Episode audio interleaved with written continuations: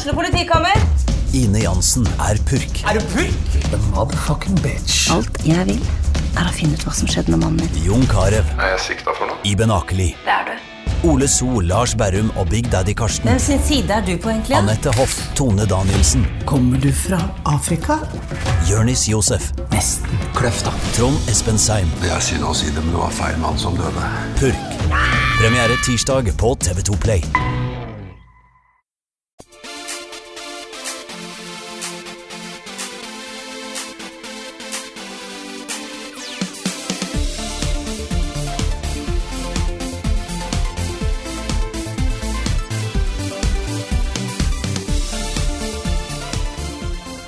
Hallo og velkommen til en ny episode av podkasten Level Backup. Med meg som vanlig Frida Danmo.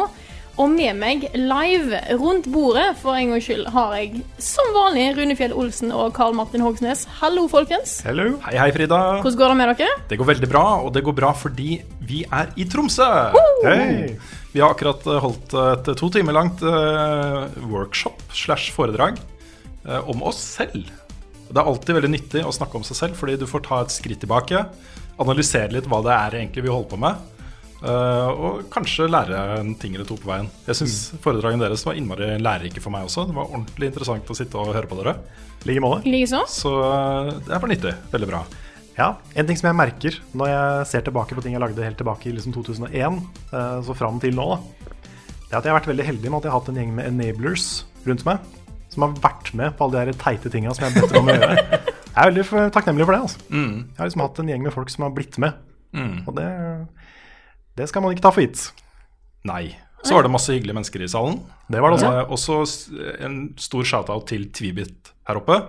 Som det virker som gjør en ganske solid innsats for å fremme film- og spillinteressen til folk i Tromsø og omegn. Eh, veldig lidenskapelig og hyggelig gjeng, altså. Absolutt. Så en uh, stor takk til Ismet som ordna dette her. Og til uh, Truls Nordby som har uh, pusha litt på, tror jeg, for å få oss hit. Ikke minst så er det der vi bor. Ja, Ja, vi bor i leiligheten til. Truls, det stemmer. Uh, og apropos Truls, da, det er litt interessant, fordi Truls Nordby var jo den første som donerte 500 dollar uh, på Patron. Og rewarden der var jo å uh, henge med oss, eh, være med og spille inn podkasten og få et måltid. Og den andre store grunnen til at vi har gleda oss til å komme til Tromsø, det er at vi har en backer som har donert 500 dollar for lenge siden. Og det store problemet har jo vært hvordan i all verden skal vi få inkludert han? Vi tenkte jo ikke på at Norge er et langt land, og det koster mye penger å frakte folk fra et sted til et annet og sånne ting. Eh, Men i dag har vi endelig muligheten til å ha deg som gjest i podkasten. Sigurd Sandbakken, velkommen til oss. Ja, takk, takk. Det er hyggelig å være her. Trodde du noen gang vi skulle klare å få til dette her? Fordi det er jo ca. et år siden du donerte 500 dollar. uh, nei, jeg hadde jo mine tvil, men uh, nei da, det, det funka jo. Mm. Så eh, Men sånn først og fremst, tusen takk. Veldig, veldig storsinna av deg, og veldig hyggelig. bare hyggelig. Så sånn sett så er det jo kjempedeilig at vi har muligheten til å møte deg. Mm.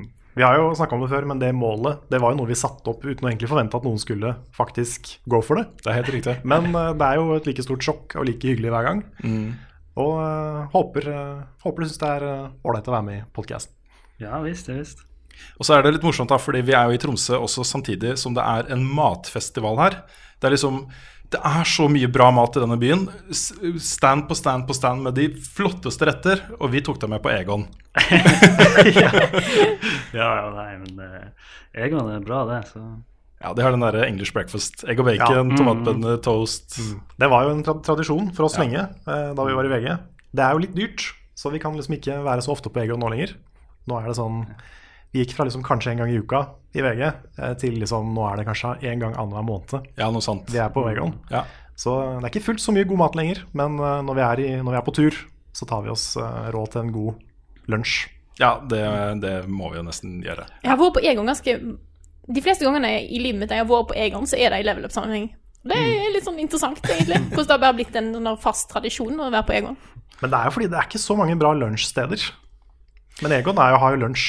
Jo, det er masse bra lunsjsteder, men det er det å på en måte vite hvor de er, som er problemet, føler jeg. da. Ja, kanskje ikke jeg vet Fordi det. man havner som regel liksom bare på et sted hvor de har lunsj, og så er det kanskje bare noen sandwich, liksom, og så ikke noe spesielt merkverdig godt, liksom. Vi er da ikke sponsa Egon, må vi Nei. Nei. håpe ikke. Mm. Vi er bare Det glad i Egon. Det passer bra med egg og bacon for min del. For Jeg har jo Brukernavnet mitt er jo Sandbacon, så Det er det. Sand bacon. Sandbacon, så ja. Jeg, er- jeg er glad i bacon, for å si det sånn. Ja, god bacon, det fins det lite her i verden. Jeg Så dere han fyren som har funnet opp et, en sånn krydder som får alt til å smake som bacon? Ja, Ja. Jeg har ikke trua på at det faktisk det er sånn Ja, det smaker litt bacon.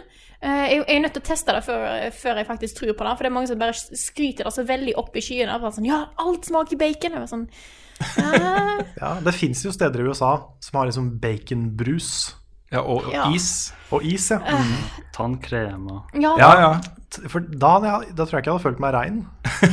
Hvis jeg hadde pussa tenna med bacon. Nei. Det, Jeg har eh, solgt masse tannkrem med eh, biffsmak på dyrebutikken. Det er til hund. Å ja. Ja, ja, det er smart. ja. Men jeg har aldri hørt om at det er noen som bruker det fordi at Nei, Nei. bacon, bacon-tannkrem blir feil. Det er kult hvis du bruker tannkremen til bikkja di. Bare fordi det er så godt. ja. Åh. Men før vi sporer altfor mye av her, så tror jeg vi skal snakke litt om hva vi har spilt i det siste. Let's go. Yeah. Har du lyst til å begynne, Rune? Ja, jeg kan begynne. Jeg har spilt Metroid, Samus Hey. Returns. Hey. Det er uh, utrolig deilig også, å sette seg ned med 2D Metroid-spill igjen. Vi snakka litt om det på flyet oppover, Karl, fordi det er litt sånn Litt underwhelming, starten på det. Fordi det er Met- Metroid, liksom. Du har spilt mange Metroid-spill og mange 2D Metroid-spill, og f- føles ikke liksom Jeg får ikke den samme liksom, sånn sjokk-gledesrusen av å spille det. Men samtidig så er det jo akkurat dette jeg har mast om nå i 15 år, liksom. Jeg vil ha et nytt 2D Metroid-spill. Det er akkurat det jeg har fått. Ja, Men er det litt fordi det er basert på et NES-spill? Ja, Det er kanskje litt det, men samtidig så er liksom Metroid Zero Mission, som jo er en remake av det aller første Metroid-spillet, er jo mitt favoritt-Metroid-spill til nå. Eh, så, så jeg ser ikke det som noe stort uh, minus, egentlig. Dette er, uh, dette er Metroid sånn som jeg husker det, og, og, og sånt, men i ny grafikk. Og med et par nye gameplay-elementer og sånne ting. Så foreløpig jeg, jeg koser meg veldig, altså. Ikke så overveldende happy som jeg trodde jeg skulle bli, men eh, helt på høyden med eh, de beste opplevelsene jeg har hatt der, sånn innholdsmessig. Så langt, i hvert fall. Litt forvirrende. Det er noen sånn hubs og sånne ting som jeg ikke helt forstår ennå, men det kommer vel etter hvert. Men du har også spilt det, Frida? Ja, Nei, eh, litt kanskje. Jeg har kommet så langt at jeg har lasta ned og installert det, og oh, ja. hadde plan om å spille det på flyet. Eh, og så endte jeg opp med å lese manga istedenfor. okay. Ja. ja. Så jeg har det på 3DS-en, som jeg på en måte har med meg at all times, men jeg har bare ikke satt meg ned og faktisk gjort det. Så kanskje det er det jeg skal gjøre på flyet til Oslo. Ja, det, det kan du gjøre. Det som er den store nye gameplay-mekanikken her, er jo eh, at du får noen sånn close combat-sekvenser med bosser. eh, og for så vidt også andre litt sånn mindre ads. Hvor eh, du får muligheten til å uh, countre attacks med én knapp. Og hvis du klarer det, så kan du gjøre en, en eh, sånn motangrep da, mot de. Eh, og det brukes Jeg har vært i to eller tre bosskamper til nå, uh, og det brukes i alle. Det er akkurat den samme tingen. Men det er, det er, er en kul trend det der. Fordi en sånn parry-system dukker opp i flere og flere spill. Ja. Det var jo i NAC 2 til og med, så la de inn en sånn parry-system. Og det er jo en sånn ting som du ikke må bruke ofte, men hvis du får det til, så er det så givende. Eh, Så det er sikkert noen som har sett det og tenkt liksom, ok, vi gjør det ikke essensielt for spillet, men hvis du mestrer dette her, så føler du deg bra, liksom. Så det er, jeg syns det er en kul ting. Men jeg har en mistanke om at det er essensielt i Metroid. Ok. Uh, at du faktisk må gjøre det for å kunne gjøre damage på bossene. Ah, ja. Um, det er mulig at jeg tar feil. Ja, nei, for jeg- Da liker jeg det bedre sånn som det er i Breath of the Wild. Ja. Fordi Ja. jeg brukte nesten aldri det. Men når du faktisk får det til, Mm. og klarer å counter en sånn laser fra en Guardian, det er det kuleste du kan gjøre i Zelda. Ja. I tillegg til å stå på snowboard med skjoldet. Ja. Men det er en sånn kul ting da Ja. som du aldri må gjøre, men hvis du får det til, så er du the best. Det var også det jeg likte aller best med kampsystemet særlig Assassin's Creed 2. Eh, det å kunne få til parry. Da hadde du sånne lange kamper, for de var jo så snille å angripe bare én og én, disse fiendene. ikke sant? Du sto der med ti fiender rundt deg, Ja, det var rart det der. Ja, det var det. Vi ga hverandre tur. ikke sant? Og du bare drepte én etter én med counter, ikke sant? Og de bare Kanskje vi, kanskje vi skal bytte strategi? Nei da. Nei, nei. Eh, La oss gjenge opp han. Nei, jeg tror ikke det. Eh, Ha det fair, Dark liksom. Souls var jo veldig mye sånn basert. Mm. Jeg tror det er Absolutt. Der, eh, hvis jeg får lov å si litt sånn som Dark Souls, så er det der de, jeg tror det er der de har henta mye inspirasjon fra. i mange Ja, det vil jeg tro det også. For parrying i Dark Souls er jo sånn ekstrem high skill, high reward-ting. Men eh, det også er ting jeg nesten ikke bruker. Jeg er ikke god nok. Men det som er innmari digg i Metroid-spillene, og nå, det gjelder jo også Metroid Samus Returns, det er jo det jevne påfyllet av nye abilities. Eh, og det siste jeg fikk eh, før flyet landa i Tromsø, eh, det var jo Spiderball. Og det å kunne da klatre på vegger og Ah, få tilgang til også Det åpner jo opp hele spillet. ikke sant? Da får du tilgang til overalt, selv om det er høyt oppe og alt mulig rart. Kjempedeilig, altså. Så jeg gleder meg virkelig til å fortsette. Og det kommer en anmeldelse av det snart, etter hvert. Ja. Mm. Det er spillet spill jeg gleder meg til å spille, så jeg må bare få, faktisk få satt meg ned med det. Mm. Men vi kan jo ta og fortsette. Hvis eh, kanskje gjesten vår også har lyst til å eh, snakke litt om hva han har spilt? Eh, ja, jeg har eh, I det siste så har jeg jo spilt mest play, Player Knowns Battlegrounds. Eh, så det går mye i det og CSGO, Siege, Rainbow Six. Sånne typiske FPS-spill. Mm. Har det blitt noen eh, chicken dinners? Det har blitt et par, ja. jeg er ikke så ufattelig god ennå, men eh, ja, det Hvis du faktisk har vunnet, så eh, da er jeg imponert. Ja, altså jeg har ikke vunnet solo. Jeg Nei. har vunnet duos og sånne squad games. Men eh, jeg har fått nummer to på solo, da. Nice. Nice. Close.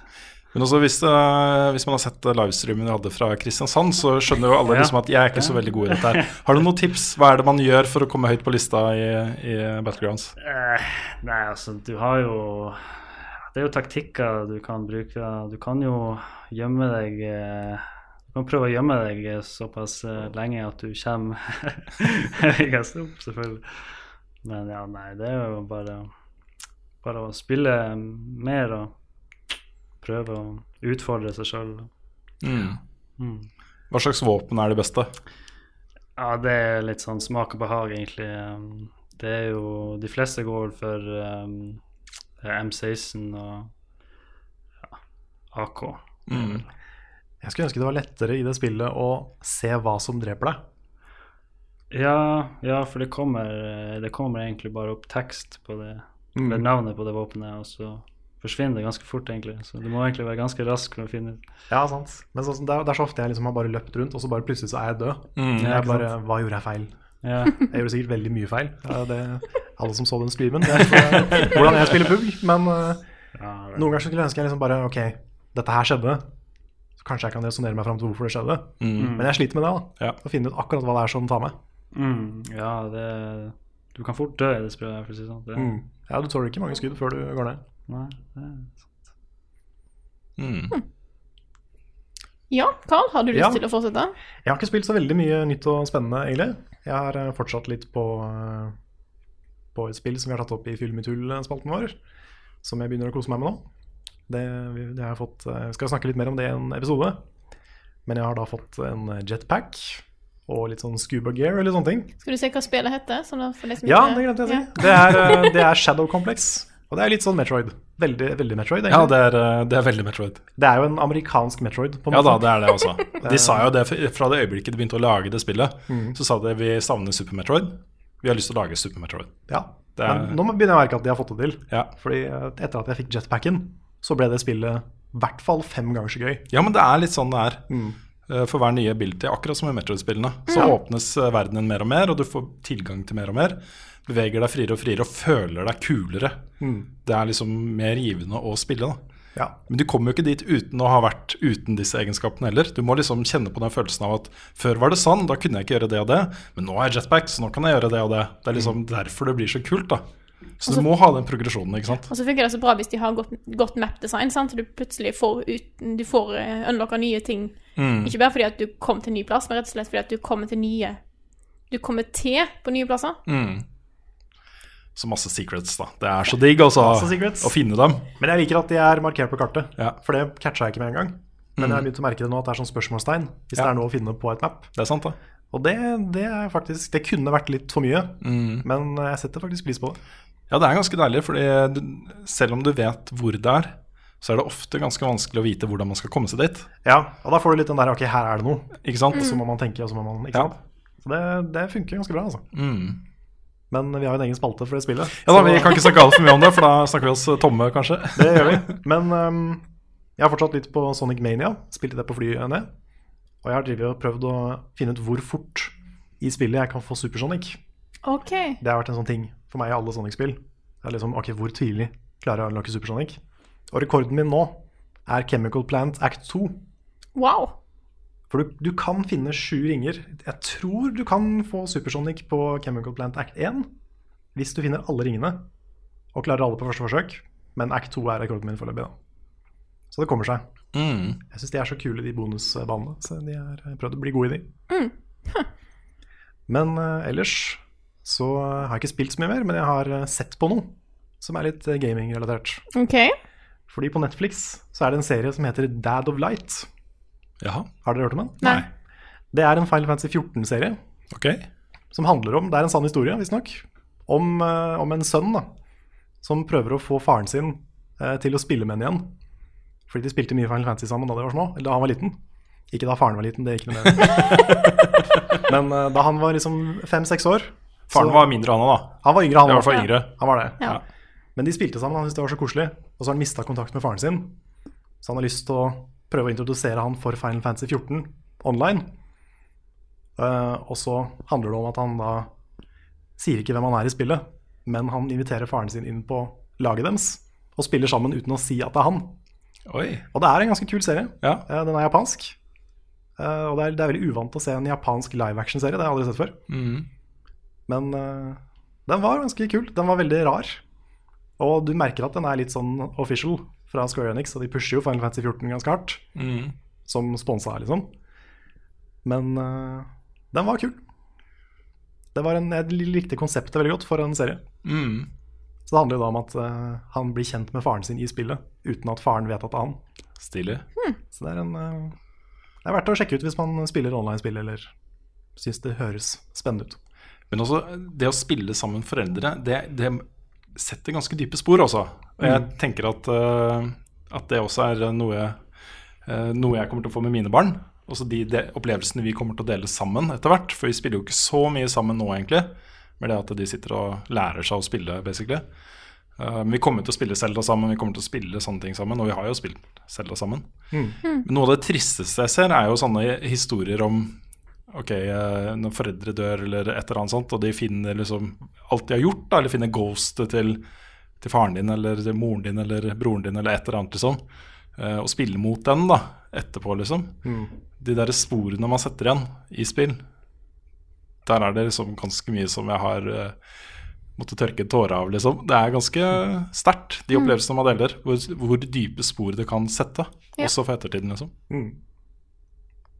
Ja, nei, jeg har aldri spilt noe særlig sammen med foreldrene mine. Mamma er jo livredd for å ta igjen håndkontroll.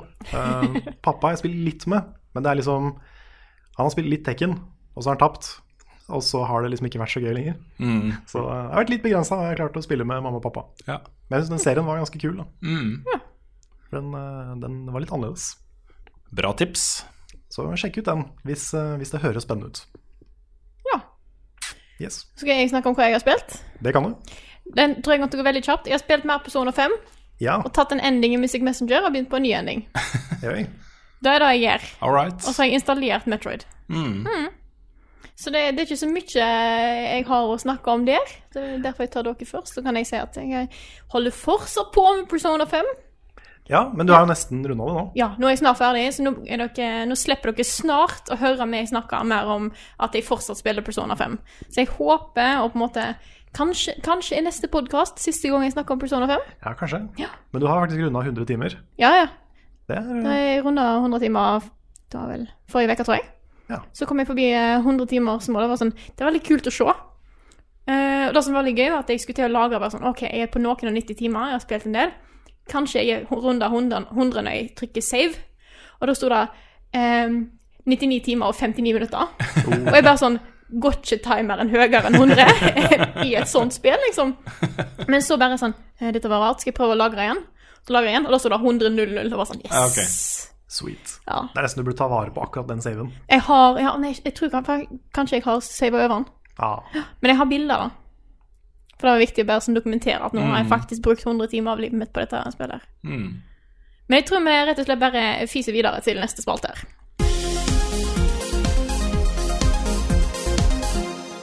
I dag så er eh, vår anbefalingsspalte litt spesiell, for denne gangen skal alle sammen komme med en anbefal anbefaling. eh, og da skal selvfølgelig vår gjest få lov til å begynne.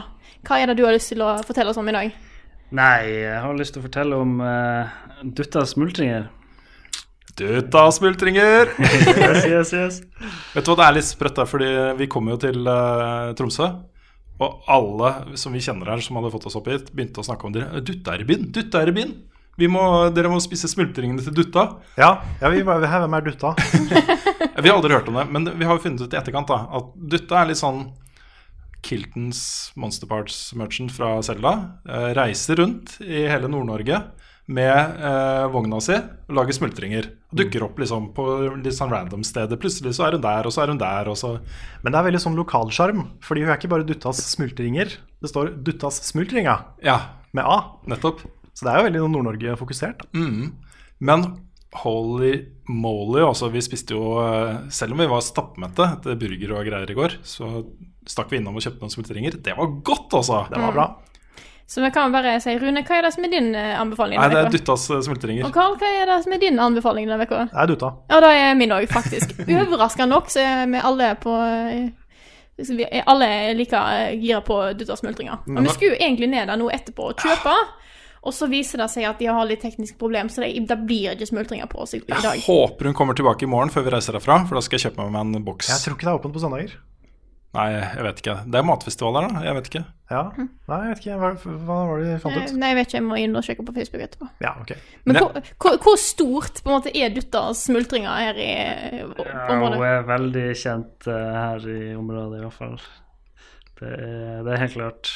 Um, du kan spørre nesten hvem som helst, og de vet hvem det er, liksom. Så Det er kult. Det, Mm. Ja, det er kjempekult. Og så er det en sånn Hvis du bor liksom sør for et eller annet sted, sikkert fra Trondheim og nedover, da, så aner du ikke hvem Dutta er. Nei, ikke sant? Vel, men veldig kjent her. Mm. Jeg får litt sånn eh, Jeg liker sånne ting. Sånn som jeg driver og ser Parks and Recreation. Du har den eh, lille Sebastian, som er den lille hesten som alle elsker overalt på jord. Men det er jo superlokalt. ikke sant? Det er bare det området der hvor lille Sebastian er en superhelt, liksom. Men ja, fordi han er en liten hest som alle er glad i. Det er, jeg syns det er kult. Ja, det er litt samme som eh, jeg driver og sett på Last Week Tonight. Ser noen av dere på det? Jeg har sett eh, noe, ganske mye. Ja. Husker du de episodene med det toget? Hvor han, han tuller med sånn tog som er på en lokal eh, TV-kanal i USA. Husker ikke akkurat hvor. Men på nyhetssendingene så er det et leketog som kjører i bakgrunnen. Og alle som ser på den kanalen, er så opphengt i det toget. Så de ringer inn og sier 'Nå har toget stoppa!' Ikke sant? Så det- Alt handler om det toget. Det er så gøy. Det er så sjarm med sånne små lokalting. Og så er, skal det jo sies at de smultringene var sinnssykt gode. Og de hadde liksom vanlige smultringer. Nå snakker vi norske smultringer, da. eh, Med litt sånn amerikanskinspirert vri, kanskje. Fordi norske smultringer er jo bare smultringen, liksom. Det er, That's it. Men her hadde du en variant som var dyppa i sukker og kanel. Eh, sjokolade. Sjokolade med strø. Og det siste var eh, Det var en variant til. Husker det, du? Det var en som bare var med vanlig sukker òg. Ja, Den hadde jeg, den var god. Ja. Vi testa den, den, liksom, den originale kun smultringen, og den var, den var eh, god. Det er ikke liksom den toppingen som gir at den er god, det er selve smultringen er god. Det er akkurat det jeg skulle si, fordi hun står jo der og lager de smultringene i den vogna der, liksom. Og de er jo helt ferske og kjempegode. Jeg er veldig Jeg er blitt eh, fan av det her, altså. Hvor ofte er det en på en måte får oppleve dutta smultringer? Ja, det varierer jo. altså Hun dukker jo bare opp sånn plutselig. Jeg digger det her. Ja, det er kjempekult. Du må liksom bare gripe sjansen når du ser det. Altså, det Det er Jeg skal ha 2000 smultringer, jeg. Det er, det er litt sånn som en sånn blanding av isbilen og en superhelt. Ja. Som bare plutselig bare er der, og så bare Yes! Dutta er her. Mm. Det, jeg digger det, altså.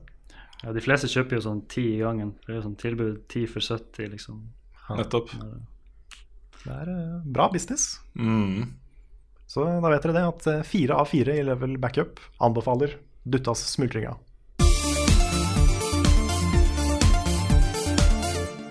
Vår kjære nyhetsanker Rune sitter nå klar. Han har funnet fram telefonen med oversikt over alt han skal snakke om i dag. Kan ikke du guide oss gjennom eh, ukens nyheter, Rune? Ja, det er flere steder vi kunne ha begynt, men jeg har lyst til å begynne med Fortnite, som nå introduserer en ny modus gratis, eh, som heter Battle Royale. Eh, og det er, det er Player Unknowns Battleground, eh, basically. Eh, og eh, utviklerne av Battleground begynner nå å reagere ganske kraftig på dette her. Og det ser ut som om på en måte dette kan få noen eh, konsekvenser. At det kanskje det vurderes rettslige skritt for å varemerkebeskytte konseptet og sånne ting. Eh, det er i ferd med å vokse. Det er i ferd med å bli et problem som vokser. Eh, og det store spørsmålet blir jo da hvor stor rett har utviklerne av Battleground eh, til å kreve copyright på konseptet i spillet? Jeg føler det litt som at Nintendo plutselig skulle ha banna alle som prøver seg på plattformer. Ja, jeg, jeg er ikke noen ekspert på, på rett i det hele tatt. Um, eller jus, som det kanskje heter. Men uh, jeg føler jo ikke at dette er en sterk case. Det er jo uh, Ja, det er, altså det er jo ikke de, de er ikke de første som lagde en Battle Royale-modus i et spill. Nei. Det som er unikt med Battlegrounds, er vel det at det er 100 spillere på samme map, uh, og den oppskriften der. Men går det an å copyrighte det? Det føles litt som, eh, som Candy Crush, Crush Saga, som ville på en måte copyrighte ordet saga, sånn at ingen andre fikk lov til å bruke det. Jeg syns det, jeg syns det er rart. Jeg syns ikke de har en sterk case her, nei. Nei, og Ikke minst så har du jo eh, boka og filmen Battle Royale.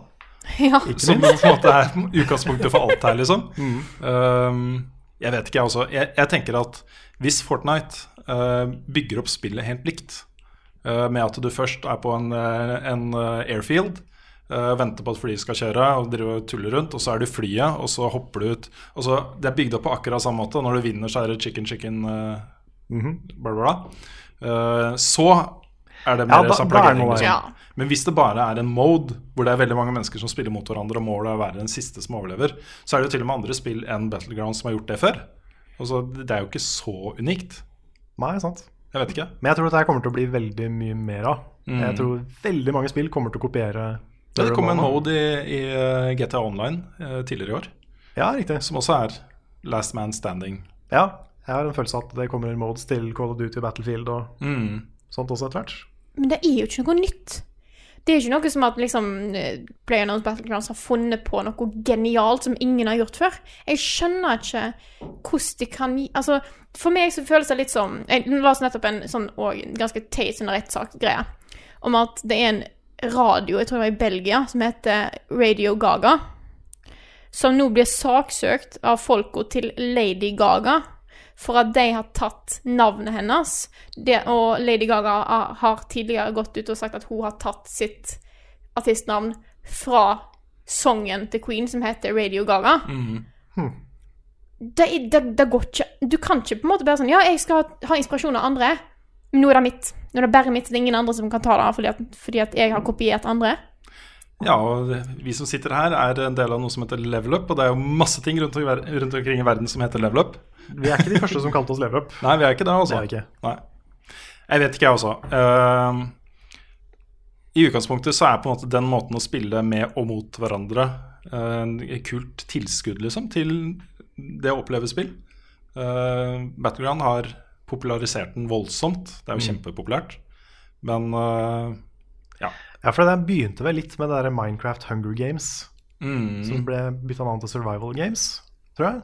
For det var samme greiene. At du starta, du måtte finne våpen, gjemme deg, og så ut og eh, overleve lengst. ja. Jeg mener det kommer derfra, i hvert fall den hoved-Battlegrounds-tiden. Ja, Vi snakka litt om det i stad, Sigurd. eh, At utvikleren av eh, Battleground kommer jo fra Arma. Ja, han kommer fra det arma. Det var jo Battleground, eller Royal, Battle Royale var jo fra en mod på Arma 2, eller hva det var.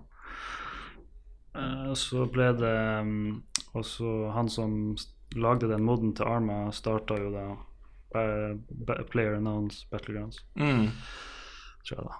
Ja. Nei, vi får se. Interessant i hvert fall at det rasles litt med sabler og Ja, det er interessant å følge de sakene der. Det er jo eh, det er ikke første gang at et uh, spill blir kjempepopulært, og så kommer det 40 000 kopier. Ja, Det sant? Det skjer jo hver gang. Mm. Eh, Og så er det jo akkurat nå, mens vi sitter der, er det jo Tokyo Gameshow. Uh, kommet en del announcements der. Det er litt morsomt å følge med på de pressekonferansene og announcementene som kommer ut av Tokyo Gameshow, for det er så mye av det som er totalt uinteressant for oss i resten. Ja, det var en gang som jeg sto opp tidlig for å se på den PlayStation-eventen de hadde der. Ja. Og det var jo 5% som var sånn Ja. og resten så var jeg helt blank. Ja, ja. Og jeg er jo ganske interessert i japanske spill, så det var, det var litt spesielt. Det er litt spesielt å se liksom hvor store kulturforskjeller det faktisk er da, på hva slags spill man er interessert i. Uh, men det kommer jo alltid noen nyheter, og kanskje den største av dem alle i år fra Sonys pressekonferanse var jo releasedato for eh, Monster Hunter World, uh, som er satt til 26. januar. Grunnen til at det er interessant, er ikke fordi det er 26. januar, men fordi de viste fram en ny video fra spillet der, som jeg føler spikra litt den derre Yes, jeg har vært nysgjerrig på Monster Hunter før. Dette er et spill jeg kommer til å prøve. Ja, akkurat samme her. Ja, her òg. Det var noe med den traileren, for den viste litt flere forskjellige områder. Eh, det de har vist fram til nå, har vært litt sånn grått. Litt likt, kanskje. Ja. Men her så fikk du mye mer inntrykk av hvor variert det landskapet kommer til å være. Da. Mm. Det gjorde en del for meg. Ja, det så veldig kult ut. Um, det kommer også fram at Final Fantasy 9 får en PlayStation 4 re-release, og den er ute nå. Ja, det var jo dritkult. Ja. Final Fantasy 9 er jo favorittspillet mitt. eh, og det ble bare shadow-dropped på PS4. Plutselig så var det der. Den dagen. Mm. Så nå er det fullt mulig å spille Final Fantasy 9 på PS4. Jeg elsker når de gjør sånt. Bare sånn, ja, nå skal vi bare eh, altså, reveale og lansere et spill. Nå. Ingen har hørt noe om det. right now. Ja, det Genialt. Gjør mer av det, please. Ja. Eh, jeg må også legge til mer av det, please. Så fikk vi jo en eh, mer Minecraft, please, på foredraget i stad, Karl. Ja, vi gjorde det. Det var kult. Det er sant. Mm. Mm. Det, ja, vi fikk, eh, det var i det hele tatt veldig koselig. Ja, det var kjempehyggelig. Um, jeg satte meg ned i stad og så den første traileren til den nye Tomb Raider-filmen. Det er sikkert ikke noen andre som har sett den her. Nei. Jeg har, jeg har sett noen bilder. Ja. Mm. Uh, dessverre en altfor uh, avslørende trailer. Jeg følte de viste fram hele filmen, basically. Uh, men det er jo Alicia Vikander spiller hovedrollen. Uh, det er på en måte den store tingen som gjør at jeg er gira på den filmen. For hun er så flink. Hun har vunnet Oscar, hun er en skikkelig bra skuespiller. Og jeg syns hun passer godt til rollen. da Eh, Jeg må si at ut fra traileren i hvert fall så ser det ut som de virkelig har naila uh, Tomb Raider-feelingen fra de nyere spillene. Det virka veldig inspirert av de nyere spillene. Ja, hun ser ut som den nye Lara Croft. Ja, ikke sant? Uh, men den gjorde meg i hvert fall uh, Jeg kommer til å se den filmen, og jeg har fått faktisk litt forventninger til den. Så sånn sett en bra trailer, men jeg, det er synd også. Hvorfor avsløre så mye? Nei, det er noe dritt. Jeg slutter å se tra trailer for Ja, filmer, jeg- jeg for jeg bare syns det er helt håpløst. Og når da, da er jeg eksempel og ser en kino, da, Mm. og så viser de en trailer fra en film, og bare sånn Ja, nå trengte jeg se den, for de viser til og med plot-twisten Ja, i filmen. ja det var litt sånn her også. Så ikke se traileren, er det vi sier. Mm, ja, Ja. på en måte. Men jeg så en veldig morsom tweet hvor noen hadde tatt eh, posteren til filmen. For der er det, det er sånn typisk poster hvor du skal få med både rumpa og ansiktet. Mm. Så posen hennes er veldig rar. Så er det noen som har tegna en tegning av liksom hvordan halsen hennes er bøyd. og den er, det er en veldig morsom tegning. Ja. Så um, hvis du finner den tweeten det er, det, er, det er ikke så lett å finne en tweet. Nei, det er ikke så lett å finne en Men jeg fant den, og den var morsom. Ja, Bare Det er bra. take my word for it. Tomb Raider Weird Neck poster på Google, så tror jeg du finner den. Mm. Eh, jeg jeg har ikke så mange flere nyheter, men jeg har en liten ting eh, til som Jeg vet vi snakker mye om Switch eh, om dagen, men det er fordi den har Jeg føler den har skikkelig momentum nå. Den har et bra første år. Ja. Bra første år, og det virker som om de er i ferd med å få liksom mer og mer inn i folden. da. Forrige uke så snakka vi om Doom og eh, eh, Wolfenstein 2, som er på vei til Switch.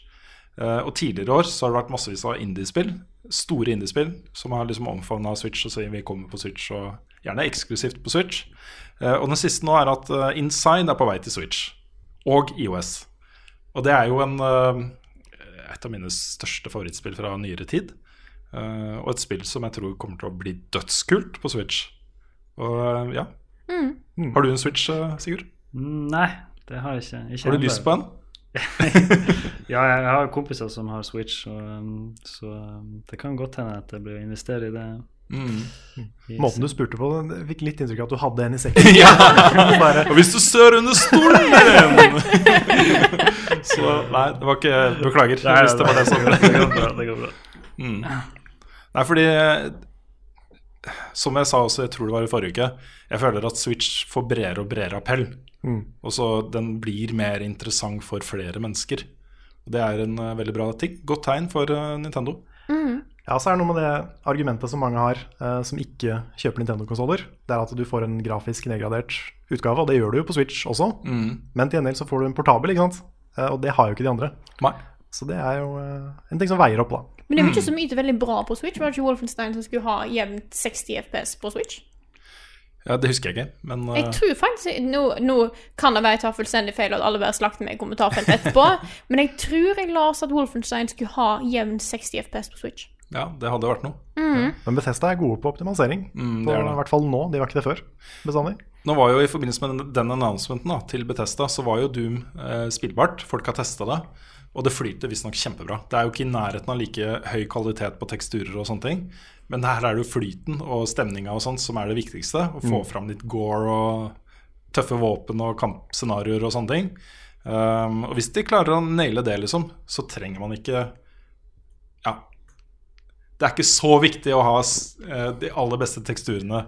Jeg er i hvert fall i den leiren som mener at uh, bra gameplay uh, er viktigere enn flotte teksturer. Mm.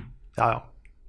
Jeg tar, eh, jeg tar 60 FPS over 4K textures any day. Ja, ikke sant? Nå prøver jeg å søke det opp, og jeg finner ingen sånn god konfirmasjon på det. Jeg trodde jeg leste det, det kan være jeg tar feil, men uh, yeah, I don't know. Når jeg ikke finner det når jeg googler ting, så, så kan det ikke, da fins det ikke. Nei, så, det er mulig, mulig at det da ikke, ikke eksisterer. Kanskje Ja. bare i ditt hode. Det kan være at jeg er blitt sprø, faktisk. Det kan hende. Ja, ja. Skal ikke se vekk fra det. Nei. Men vi kan jo si at vi håper at den har 60 FPS hele veien. Det var et eller annet som skulle kjøre i 60 FPS på Switch. Okay. Det, er- det er helt sikkert et spill som kjører i 60 FPS på Switch. Ja, Det fins nok et spill. Ja. Det er nok det.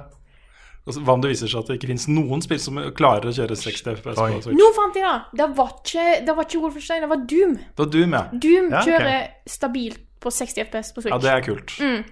Det var nesten. Ja, det er ikke da så er nærme nok. Samme publisher. Veldig bra. Ja. Mm. Så jeg har ikke blitt sprø. Men det kan det hende, for de har ikke sagt så mye om Wolfenstein 2 ennå. Det kommer i 2018 en gang. Det kan hende at de sikter mot den samme approachen. da.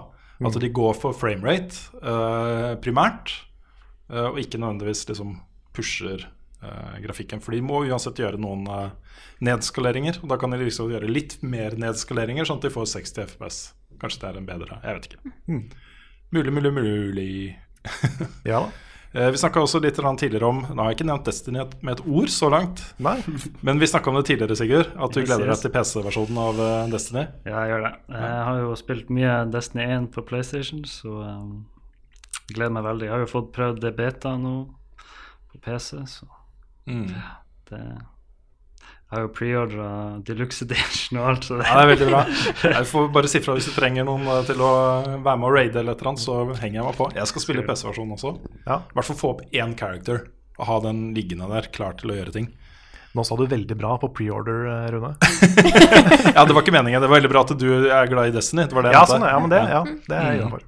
Så ja, det jeg kommer til å gjøre, er å bruke PlayStation-kontrolleren, tror jeg.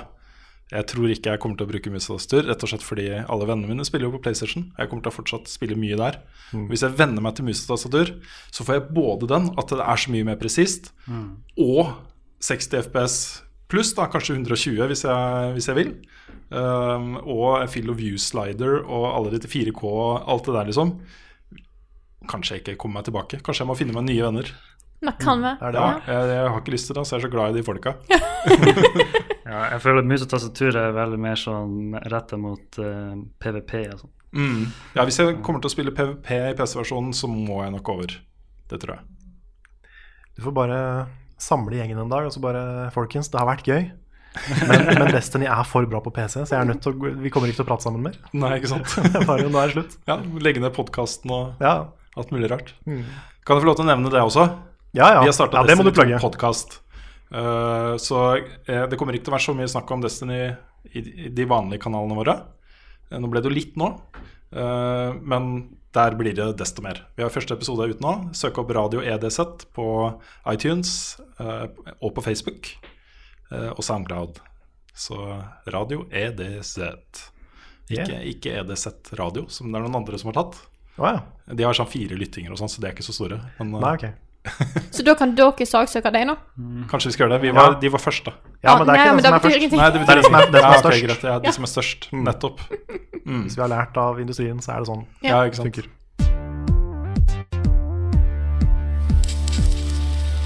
Vi skal nå svare på alle disse, eller noen av alle disse spørsmålene som vi har fått tilsendt til oss. Og da begynner vi selvfølgelig på ukens spørsmål. Ukens spørsmål! Vakkert. Ja. Jeg liker spesielt den trommeeffekten. Jeg trommeeffekten. tenkte jeg skulle gi den en sånn tone. Ja, ja det er bra. Ja, men eh, vi skal begynne med ukens spørsmål. Og dette er spørsmål, Jeg tar og omformulerer det litt, for det er litt langt. Vi har fått det inn eh, Det er en som vi fikk det inn, men vi har fått det inn fra André Seljestad Knutsen. Eh, og for å fortelle kort, da, så har han eh, eh, Han har eh, mange venner som ikke lenger bor på samme plass, han, så han sitter og bruker mye av sin sosiale tid på å game sammen med dem, og dette syns ikke kjæresten nødvendigvis er så kult.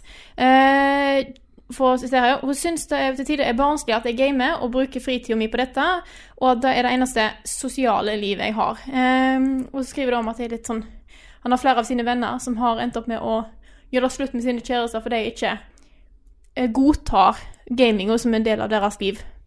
Eh, og vi har jo òg fått et lignende spørsmål fra eh, Daniel Kvien, som, som spør har dere klart å eh, vekke interesse for spill hos deres bedre halvdel. Eh, som jeg tenkte vi skulle snakke litt om akkurat da. Ja, fordi det det er snakk om her, er jo på en måte holdninger til verdien av dataspill Mm. som en fritidsaktivitet og hobby og interesse og lidenskap. Eh, og det har jo skjedd ting der. Også den er ikke på langt nær like ille eh, som det var før. Hvor det å spille dataspill ble sett på så, som noe man bare gjorde i mørke gut gutterom liksom, som barn. Eh, voksne satt ikke og spilte dataspill. Det har skjedd ganske mye der. Det er lett å glemme at det har skjedd ganske mye, men det har faktisk gjort det også. Men akkurat den holdningen er litt sånn vanskelig å komme over. For hvis du først ser på spill som noe meningsløst, ehm, så er det ikke så lett å snu den oppfattelsen, egentlig. Det er ikke så lett, altså. Jeg har opplevd mange ganger å få det spørsmålet fra da særlig eh, gutter i 20-30-åra som har en kjæreste som syns det de holder på med er veldig barnslig, og håper at de skal vokse av seg dette spillgreiene snart. Så det er ikke så uvanlig. Det er ganske vanlig at uh, folk har det sånn. Og så er det dessverre sånn at uh, spill fortsatt um, Det er flere gutter som spiller. Altså Jentadelen er voksen og sånne ting. Men det er også flere gutter som fortsetter å spille.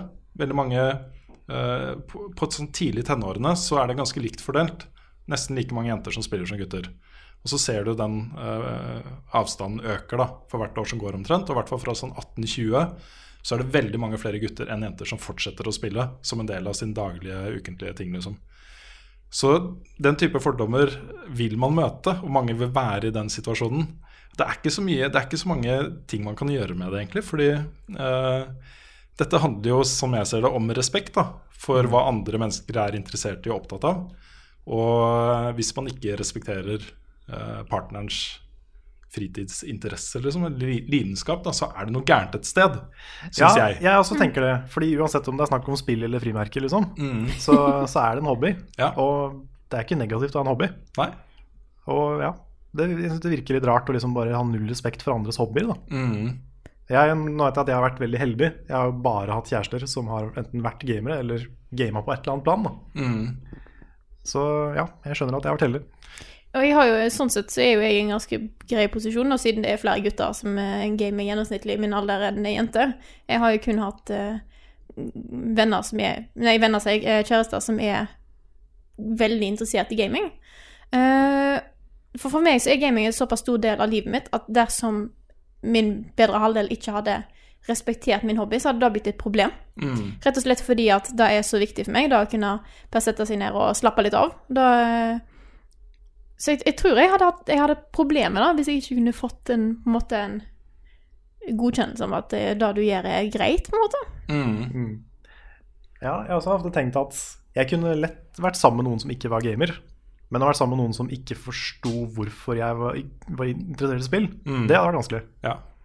For det er noe jeg bruker så mye tid på. Eh, både jobbe med og i fritid, liksom. Mm. Hvis man ser på det som noe tull, Mm. så funker det jo ikke for meg. Nei, og jeg har jo også vært heldig der, fordi jeg møtte jo eh, Katrine, kona mi, mens jeg var på jobb for VG som spilljournalist på Tokyo Gameshow. Uh, og hun visste at det er den jeg er fra dag én. da. Uh, og heldigvis, for jeg vet det også er noen som oppdager at etter at ting blir seriøst, liksom, man begynner å etablere seg og kanskje kjøpe leilighet eller hus sammen, uh, begynner å tenke på barn og osv., så, videre, så kommer litt den derre Skal du ikke vokse av deg dette her snart krypende, da? Etter at liksom den første fasen med forelskelse er over og sånne ting. Så, så har det hos noen hatt en tendens til å dukke opp, da.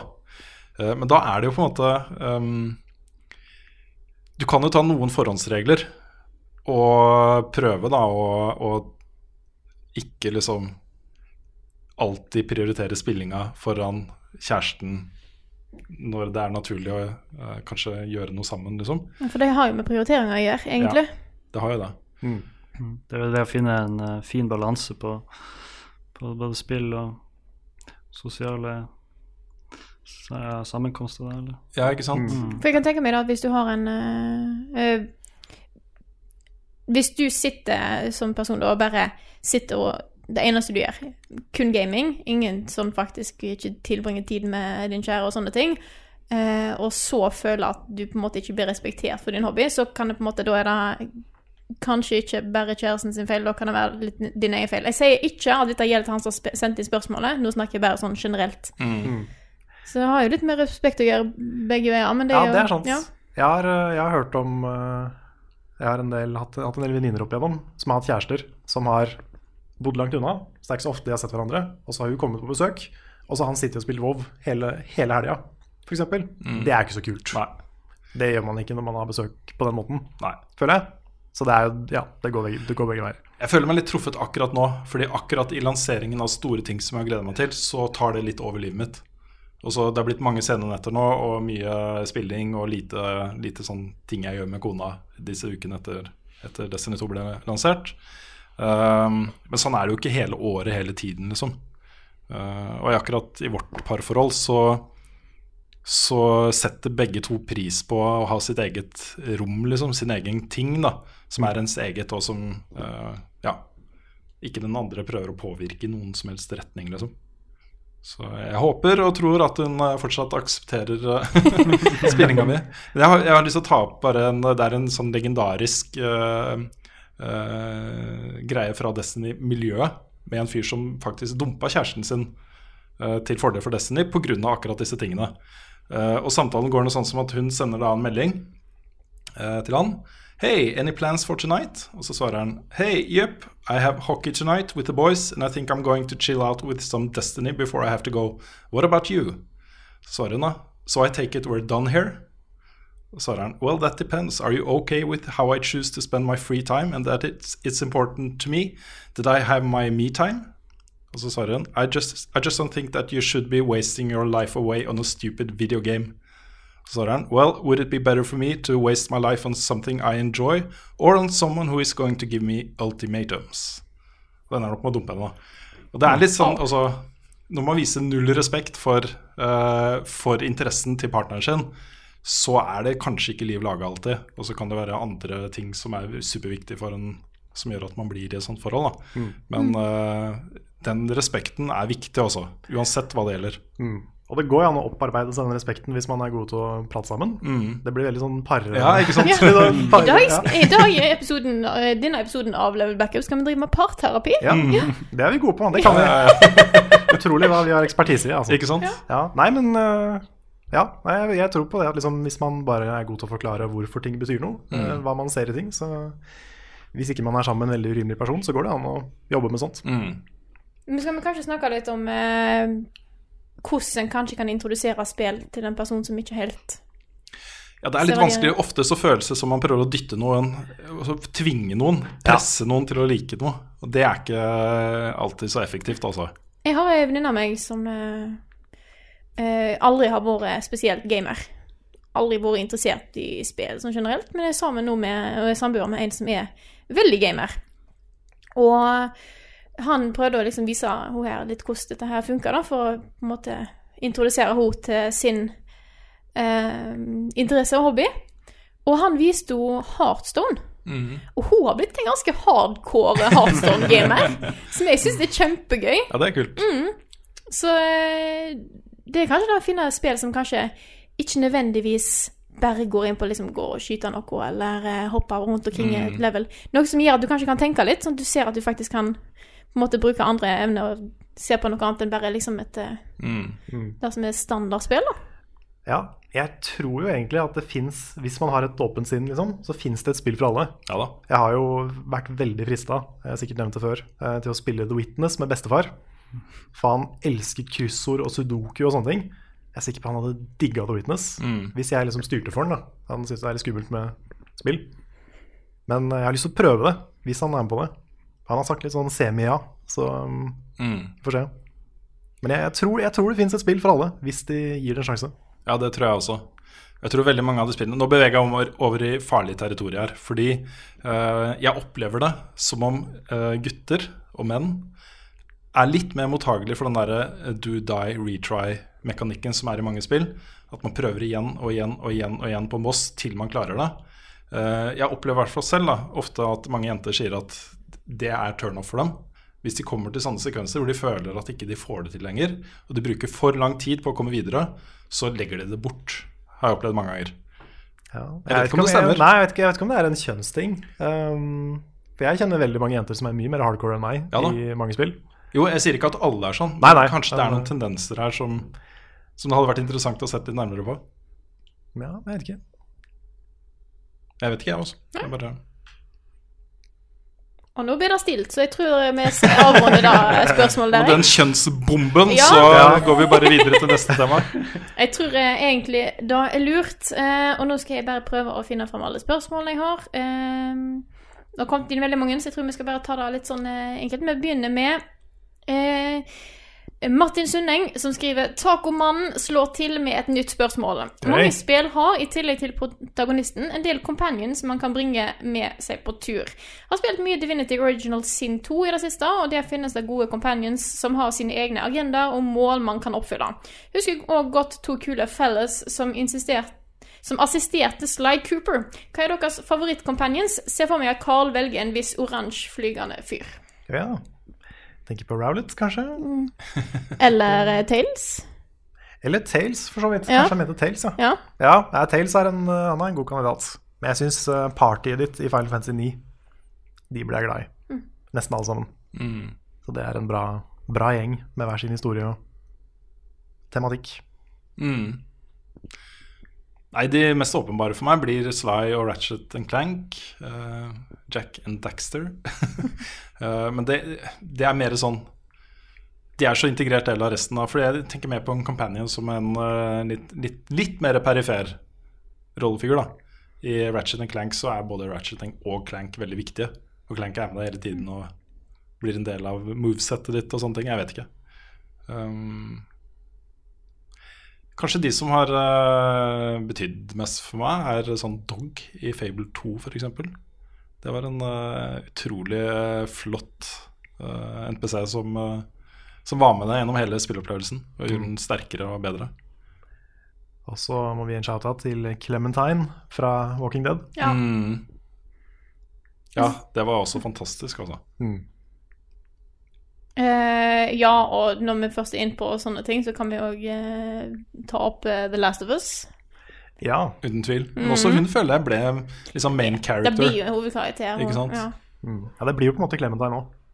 ja, ja, det er sant, da. Jeg har sansen for eh, sånn enkelt, mer sånn som en koselig ting. Lumaen i Mario Galaxy. Ja, den er koselig. Den er søt. Den er veldig søt. En glowbox i Rayman. Har Ja, jeg sansen for, for at den spesielt i liksom Rayman eh, 2 og Rayman eh, 3, så er glowbox en skikkelig, skikkelig teit karakter. Som jeg bare syns at det er teit. Mm. Men òg ganske sånn kul. ja, han er teit på en litt sånn sjarmerende måte. Og han har masse barn. Det er Ja. rart. Ja. Han har sånn 100 barn. Jepp. Det er weird. Du da, eh, Sigurd, har du noe å...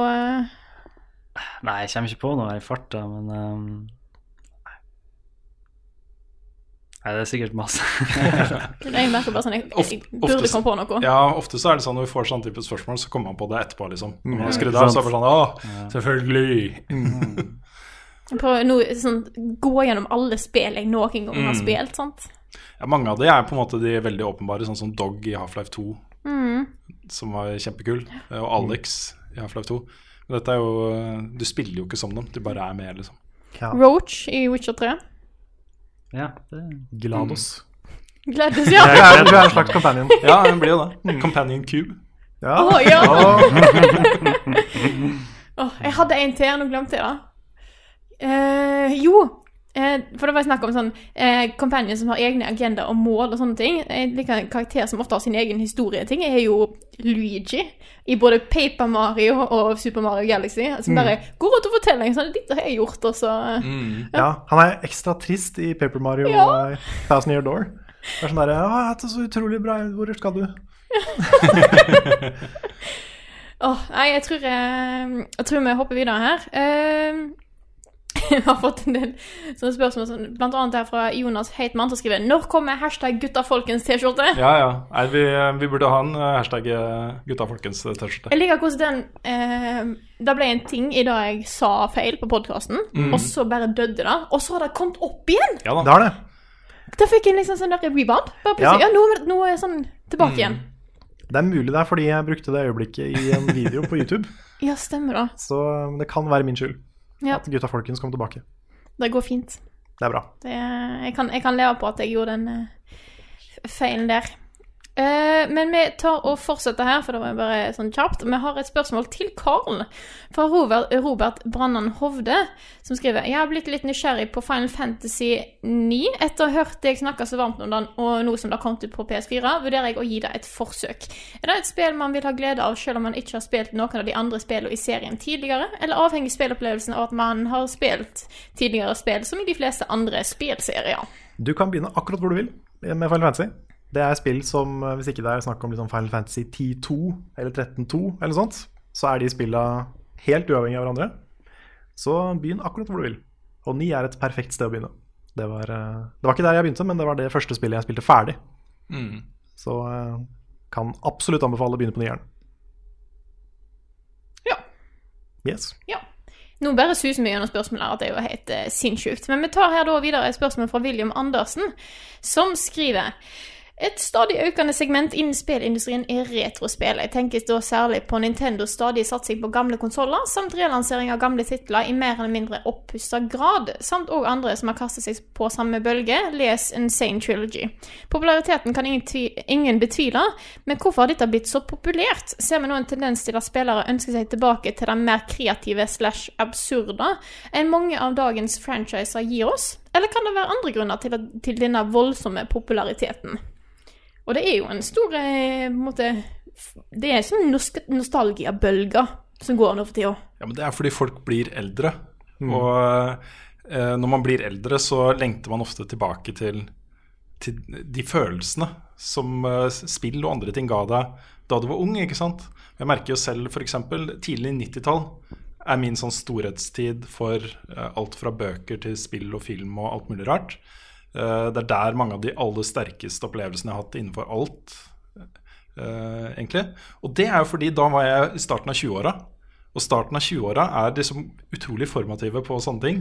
Eh, du får en bedre forståelse av hvem du er og sånne ting. Og en, mer sånn velfundert forbruk av ting. Altså du finner mer hva er det du faktisk liker, mer enn hva har du blitt påvirka til å like gjennom oppveksten din og sånne ting.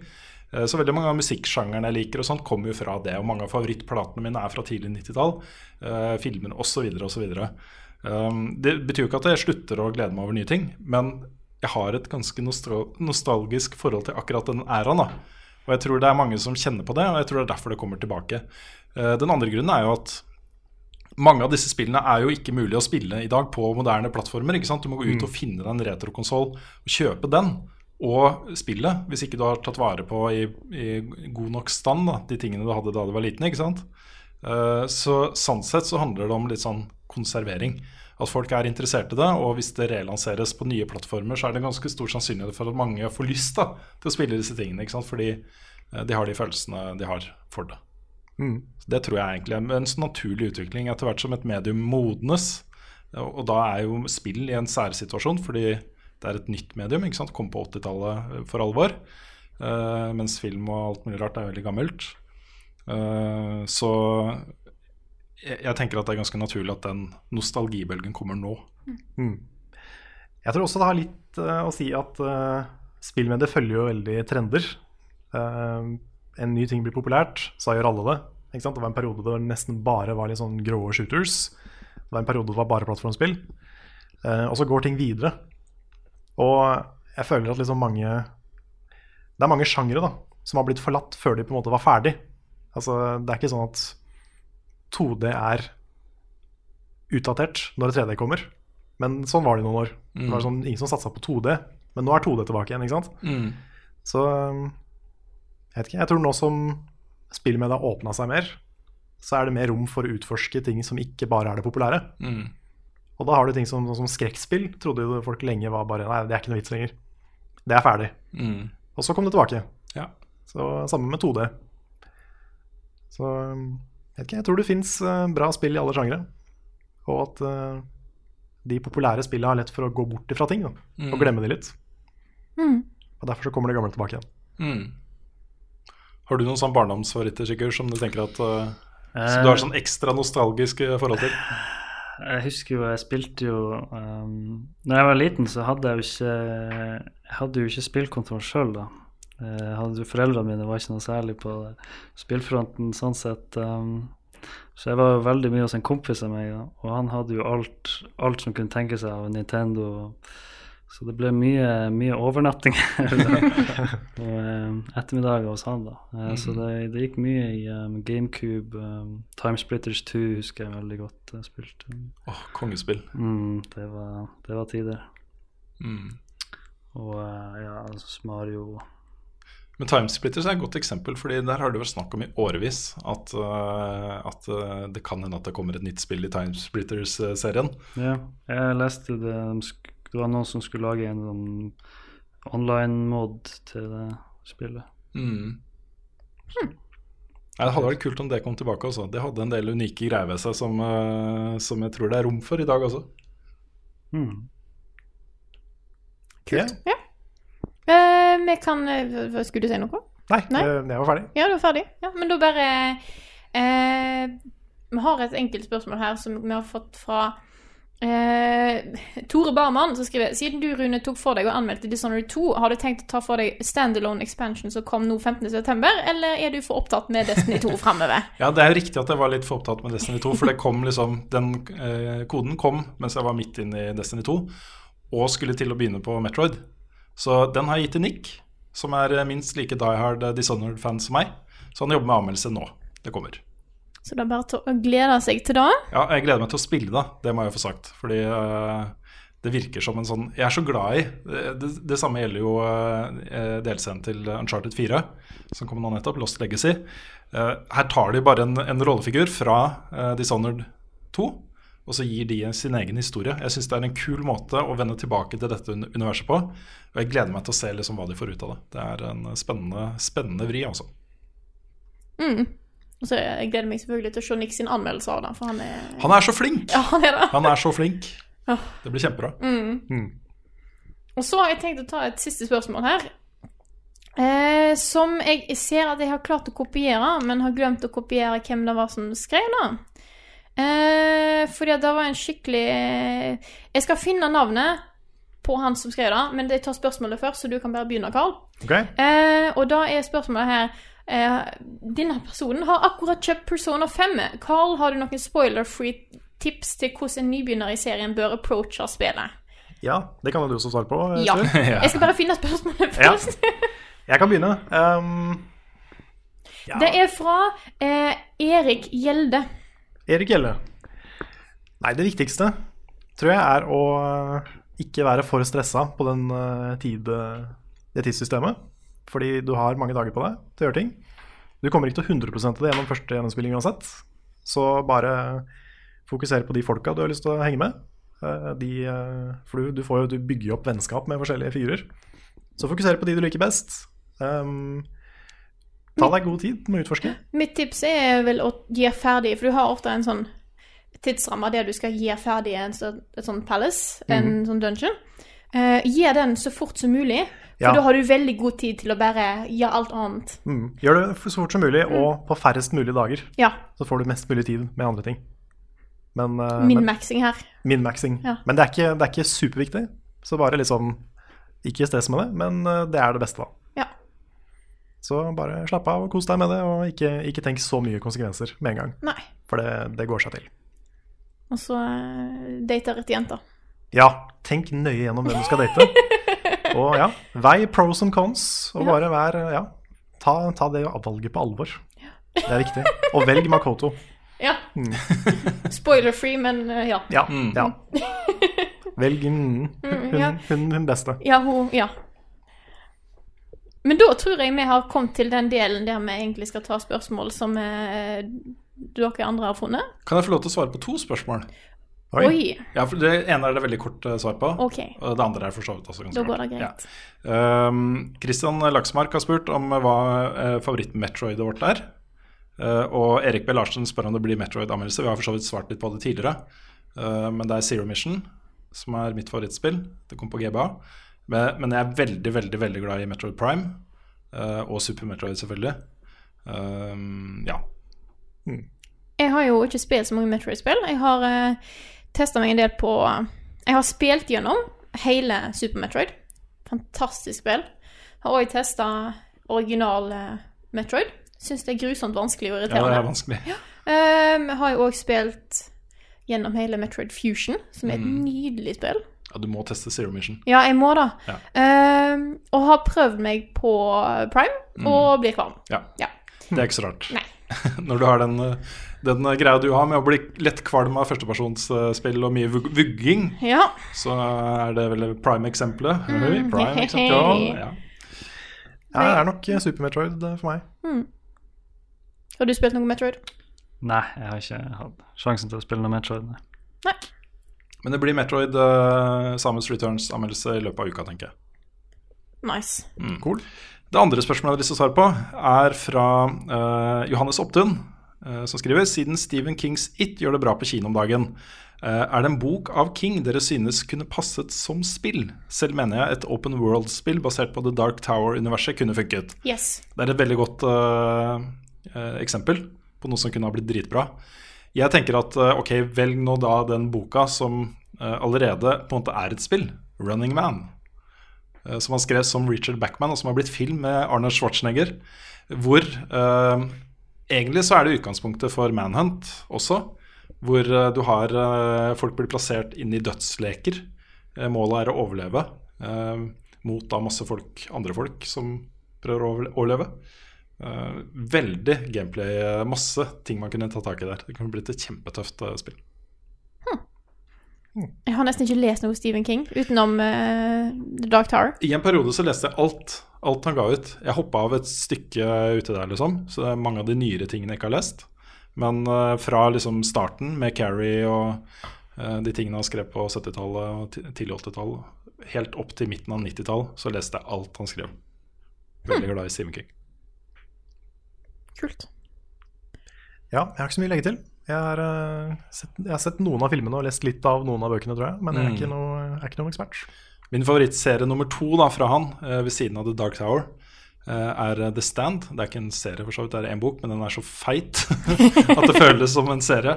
Det er også en kongebok. Um, men det er vansk vanskelig å både filmatisere, det har de prøvd på, det ble ikke så bra, og å spillmatisere. Så Ja. Hm. Men da har vi en siste liten ting vi skal si i denne podkasten her. Eh, har du det tilgjengelig, Rune? Det har jeg. Eh, vi skal jo ikke bli, vi skal jo ikke bli sånn derre eh, bursdags- og gratulasjonspodkast, liksom. Eh, jeg, dette er ikke en åpen invitasjon til alle å sende inn, eh, å sende inn eh, ønsker om å bli gratulert med dagen og sånne ting. Men noen ganger så må vi gjøre et lite unntak. Så jeg vil bare si det først. Hvis du sender inn nå 'Jeg har bursdag sånn og sånn, kan dere gratulere meg med dagen på lufta?' Så er det ikke sikkert vi kommer til å gjøre det. Det blir veldig mange å gratulere etter hvert, tror jeg. Ja. Det blir nok hver episode hvis uh, Ja. Det blir veldig lett hver episode. sånn, ja, definitivt. Så det kan bli litt vanskelig å gi. Ja. Men uh, vi eh, hadde jo en gjest i podkasten tidligere i år som var en eh, bursdagsgave fra kjæresten. Uh, og da hadde da eh, kjæresten hans tatt kontakt med oss for å prøve Kan vi få til den 500 dollars-greia, sånn at kjæresten min kan være hos dere. Og det sa vi ja til. Det er jo kjempehyggelig. Og nå har vi fått en, en mail fra uh, en som heter Og nå kan du, kan du spisse ørene, uh, deg det gjelder, fra Linn Sofie Hagen Olsen, uh, som skriver at forloveden hennes, Cato Lundahl Kleiven, fyller 27 år den 24. september, Karl. Hei, samme dag som meg. Samme dag som deg, og det blir jo da i går for dere som hører podkasten. Så gratulerer så mye med gårsdagen, Cato. Um, ja, du er en fin kjæreste som ordner opp med ting og tang. Håper du syns det var hyggelig at vi gratulerte med dagen. Gratulerer med dagen. Gratulerer med dagen. Have fun. Og du har den kuleste bursdagen i året. Ja. Da tror jeg faktisk vi har kommet gjennom alt vi hadde lyst til å komme gjennom i løpet av eh, dagens podkast.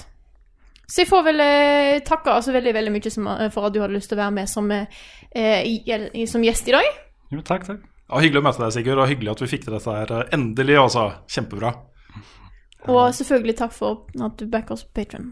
Ja, Ja. det er hyggelig. Det er også veldig hyggelig. Ja. Det er på en måte eh, på sin plass å si liksom The level uppers always pay their debts. Ja. Men det Selv om det tar et år. Ja, vi Ja. er litt trege på ting. Ja, vi fikk jo sendt ut de T-skjortene Det, til, gikk til slutt. også.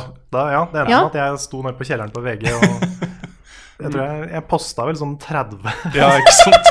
pakker på samme VG. Ja. Wow, såpass, ja. Mm. Men da eh, er det jo òg på sin plass kanskje at jeg eh, sier veldig veldig tusen takk til alle som støtter oss på Patrion. Mhm. Dere er bra folk. De beste folka. De Ja. beste folka. Og det er eh, Ja. Eh, Klar, det blir liksom klarere og klarere for oss hvor viktig det er også. Fordi uh, foreløpig så er, kommer det ikke noe mer inntekter, liksom. Vi håper det kommer mer, da. Ja, vi får jo litt for eh, turer og Se, ting. Sånne. Litt grann. Ja. Men eh, det er livsviktig at eh, folk skjønner at eh, bra innhold eh, koster det penger å lage. Og hvis ingen andre betaler for det, så kan det hende at eh, de som forbruker innholdet, kan betale litt for det. Ja. Ja. Så eh, hvis, du, hvis du som hører på liker det vi lager, så hadde det vært kos om du hadde lyst til å støtte oss med en liten slant i måneden. Patreon.com slash levelupnorge. Da er nettsida. Så da eh, gjenstår det for å takke for eh, oss. Tusen takk til Sigurd som var med, og takk for at akkurat du hørte på denne episoden av Level Backup. Og så snakkes vi igjen neste uke.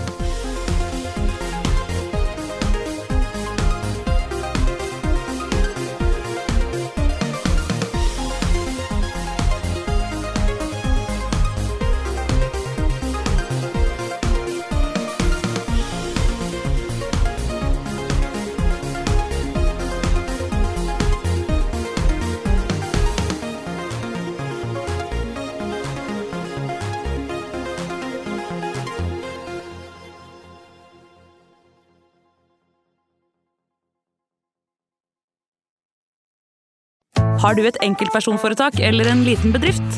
Da er du sikkert lei av å høre meg snakke om hvor enkelt det er med kvitteringer og bilag i fiken, så vi eh, gir oss her, vi. Fordi vi liker enkelt. Fiken superenkelt regnskap.